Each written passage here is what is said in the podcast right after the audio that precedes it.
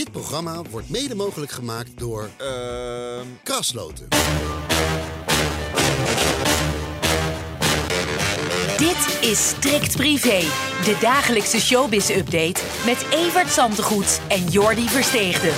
Het is privé-day en laten we maar meteen met de deur in huis vallen, Evert. Want de kerst hebben ze gehaald, maar daarmee is ook alles gezegd. Nou, dat was het ook al ijskoud volgens mij. En ja, weet je dat wij er helemaal niet zoveel aandacht aan besteed hebben de laatste tijd. Niet in krant, niet in blad. Wij hebben het er ook niet zo vaak over gehad. Ik denk steeds, nou Sylvie, het zal wel en we horen het wel. Nou, en vandaag is het zover. Het is uit en Wim Belen heeft het zelf bekendgemaakt dat ze toch wel heel erg verschillend zijn. Ja, dat had ik hem ook wel kunnen vertellen. En hij leefde onder de radar, zij er nogal boven. Ja. En dat werkt ook niet. Dan denk ik, man, waar ben je dan aan begonnen? Leuk om een avond met te, ga- te gaan eten. Maar als je dat setje bij elkaar zag, hebben toch heel weinig mensen erin geloofd, lijkt me. Hij maakte ook nog eh, in zijn bericht een sneertje naar degene die dan uiteindelijk die relatie publiekelijk heeft gemaakt. Hè, na twee dates. Vind ik dan ook altijd zo raar. Zij gaan zelf, ja, Dat moet uit zijn eigen omgeving komen, want Sylvie is daar redelijk discreet. Die heeft daar niet zo heel veel mee te winnen, want die wil echt wel langer de kat uit de boom kijken voordat ze iets bekend maakt. Dus ik denk dat er gewoon iemand uit zijn omgeving gedacht heeft van nou, ik heb een leuk eh, juicy nieuwtje. en toen lag het nieuws ineens op straat. Ja. Maar ja, dan kun je nog zeggen van ja, nou, maar hij ging er flink in mee. Hij ging ook poseren op een gegeven moment en met dan naar een bruiloft toch en zo. ja. Dus het zag er echt wel uit dat het eh, serieus leek te gaan worden ooit. Maar ja, van deze bruiloft komt geen bruiloft. Het is over en uit. En het nieuwe jaar begint voor Sylvie weer met een schone lijn. Ik wil nog even eindigen met waar Wim dan ook mee eindigt. Die zegt, veel succes in je leven, zegt hij in dat bericht tegen Sylvie. Dat klinkt toch wel echt alsof het definitief is, eh, alsof zij elkaar nooit meer gaan spreken. Nou, zo klinkt het inderdaad wel, ja. En eh, het idee dat Sylvie met hem in dat penthouse aan de Amstel gaat wonen, dat is in ieder geval verkeken. Ja. En eh, ik hoop dat ze de huis in Hamburg nog aangehouden heeft. En ja, dat, eh, dat ze daar toch weer op een dag weer het geluk gaat vinden. Laten wij dan even naar eh, ander nieuws gaan. Heftig nieuws wat ik vanochtend las. Eh, Dries Roelvink met de dood bedreigd. Hoe zit dat? Nou, dat is niet helemaal hetzelfde als dat je zegt van die Dries Roelvink die moet echt dood. Ja. Maar dat, ja, dat is ongelooflijk. Dat zegt het broertje van Tim Hofman. Hmm. De hele familie die in rep en roer was toen er een verdwa- ver- verdwaasde man een pistool afgaf bij BNN-Vara. En daar moesten er documentaires over gemaakt worden en slachtofferhulp. Want die man had toch echt gezegd dat Tim Hofman dood moet. En dan heb je een broertje die gaat dat over Dries Roelvink zeggen. Ja, ik vind het prima, maar Dries eigenlijk ook. Maar ja, waarom doe je dat? Nou, zegt Dries, ik heb er net even naar geluisterd, naar die eh, podcast. Die jongens zoeken over mijn rug nog meer aandacht en volgers en hun taalgebruik. Dat is echt stuitend. Ze gebruiken bijna in elke zin het woord eh, kanker. En wat ze van mij vinden, dat raakt me niet. Maar ik hoop niet voor ze dat ze binnenkort toevallig een van mijn zoons tegenkomen. Tja. En dan zullen ze dat, de familie Hofman kennende, wel weer als een hele zware bedreiging zien.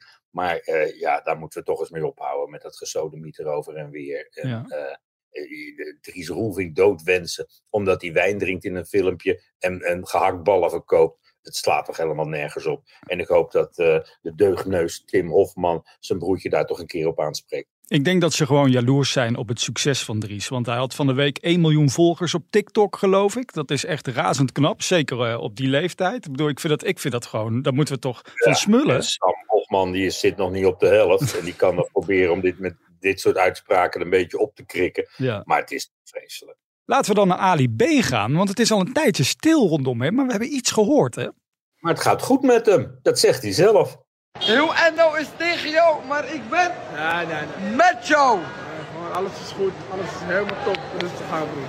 Nou, dat klinkt toch eh, razend positief inderdaad. eh, voor iemand die nog een rechtszaak te Hij doen. houdt de moed erin. En eh, ja, het, het gaat ook voor hem heel lang duren. Het is natuurlijk twee jaar gaande nu, die hele affaire. Ja. En eh, ja, ik, ik weet niet waar het wachten op is hoor. Hmm.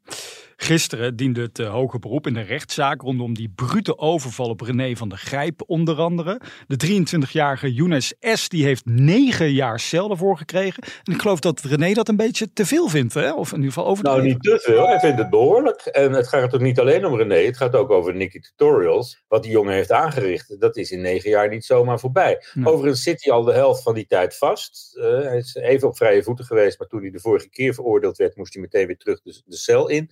Toen dacht hij, ja, ik vind acht jaar wel heel veel. Hm. Laat ik eens in hoger beroep gaan. En pats, zegt eh, justitie, je krijgt er nog een jaar bij. Want Ja. het geeft inderdaad niet aan dat je heel erg doordrongen bent van wat je hebt aangericht. En vooral bij Nicky is dat heel ernstig geweest. Die zegt nog steeds er elke dag aan te denken. En elke dag die, die haat in die ogen te zien van, van die daders. En ja, eh, René is er betrekkelijk goed vanaf gekomen natuurlijk. Door die ruiten in zijn auto. En eh, ja, die had anders ook op een paar klappen kunnen regelen. Want het hadden het op zijn Rolex voorzien. Ja. Nou, dus dat René zegt, eh, ik, ik wil hem wel ontmoeten, dan mag je uitleggen waarom hij dit gedaan heeft. Dat valt te prijzen. Maar ik vind die negen jaar, als je inderdaad zo eh, denkt van, nou, het is allemaal te zwaar gestraft voor wat ik heb aangericht. Ja, dan heb je nog een jaartje extra de tijd om erover na te denken. Ondertussen zijn er ook nog steeds heel veel vragen rondom die zaak van Galit Kassem. Want wie had er nou toch belang bij om die opname aan het AD te lekken? Wat denk jij, Evert? Nou, in ieder geval een hekel, iemand die een hekel had aan Galit Kazem en aan Royce de Vries. En in die zin zou het ja, interessant kunnen zijn om te weten of die Tamina, die vriendin van Peter R., toegang had tot zijn iCloud. En ja, ik zeg niet dat zij gelekt heeft, maar in die richting zou je kunnen denken. En dat heeft er dan alles mee te maken natuurlijk dat de verhoudingen tussen haar en de familie niet zo goed zijn. Dat het boek niet verkocht heeft, dat ze eigenlijk helemaal uit beeld heeft, is, terwijl ze toch andere plannen had. Ehm, ze komt er bekaaid vanaf in het boek van Royce de Vries. En aan de andere kant, wat daar weer tegen pleit dan, is natuurlijk dat, dat ze ook Peter R. in een kwaad daglicht stelt, postuum. En, maar ja, ik weet uit eigen ervaring dat lekker door de gekste, uit de gekste hoeken kan komen. En Ja. ja, het is, eh, die naam valt heel erg weinig, dat viel mij op. En Ja. eh, morgen gaat de zaak verder, want dan dient er een kort geding of er nog meer bekend mag worden. En ja, het, het, het is volgens mij een beerput wat er open, die er open gegaan is, die zijn einde nog niet kent. En eh, die grote gevolgen heeft voor Galit Kazem in elk geval. Maar misschien ook wel voor het bestaan van, van Royce de Vries als advocaat. Wat in ieder geval tot slot hierover opvallend is, is dat Tamina een periode geleden echt iedere dag bijna van zichzelf liet horen. En nu is het toch al een tijdje stil, in ieder geval op social media. Dus dat ja, is wel daarom wat niet iedereen meteen aan haar als het gaat over uit welke hoek komt het. Maar Ja. eh, dat zou een mogelijkheid kunnen, zou een mogelijkheid kunnen zijn. Zullen wij deze podcast dan vrolijk eindigen, want we hebben vandaag weer een jarige in ons midden. De strikt privé jarige van de dag. Hiep hiep, hoera!